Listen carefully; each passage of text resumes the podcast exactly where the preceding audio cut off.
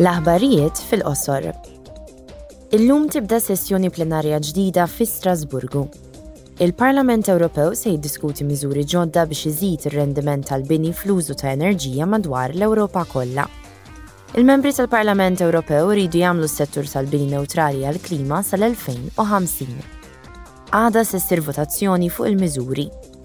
Skont il-Kummissjoni Ewropea, l-bini fl-Unjoni Ewropea huwa responsabbli għal 40 fil-mija tal-konsum tagħna tal-enerġija.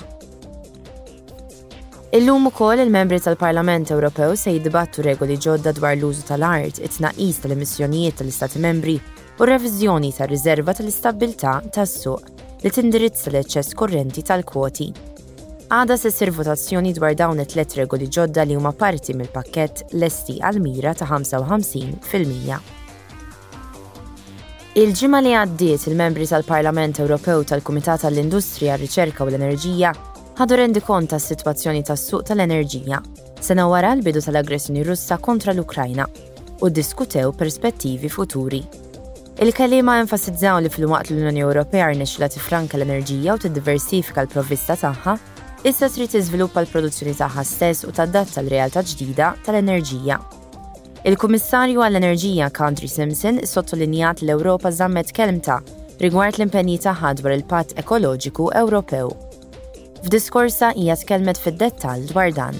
Last year, carbon emissions dropped in Europe. Is-sena li għaddiet l-emissjonijiet tal-karbonju fl-Ewropa naqsu bi 2.5 fil-mija.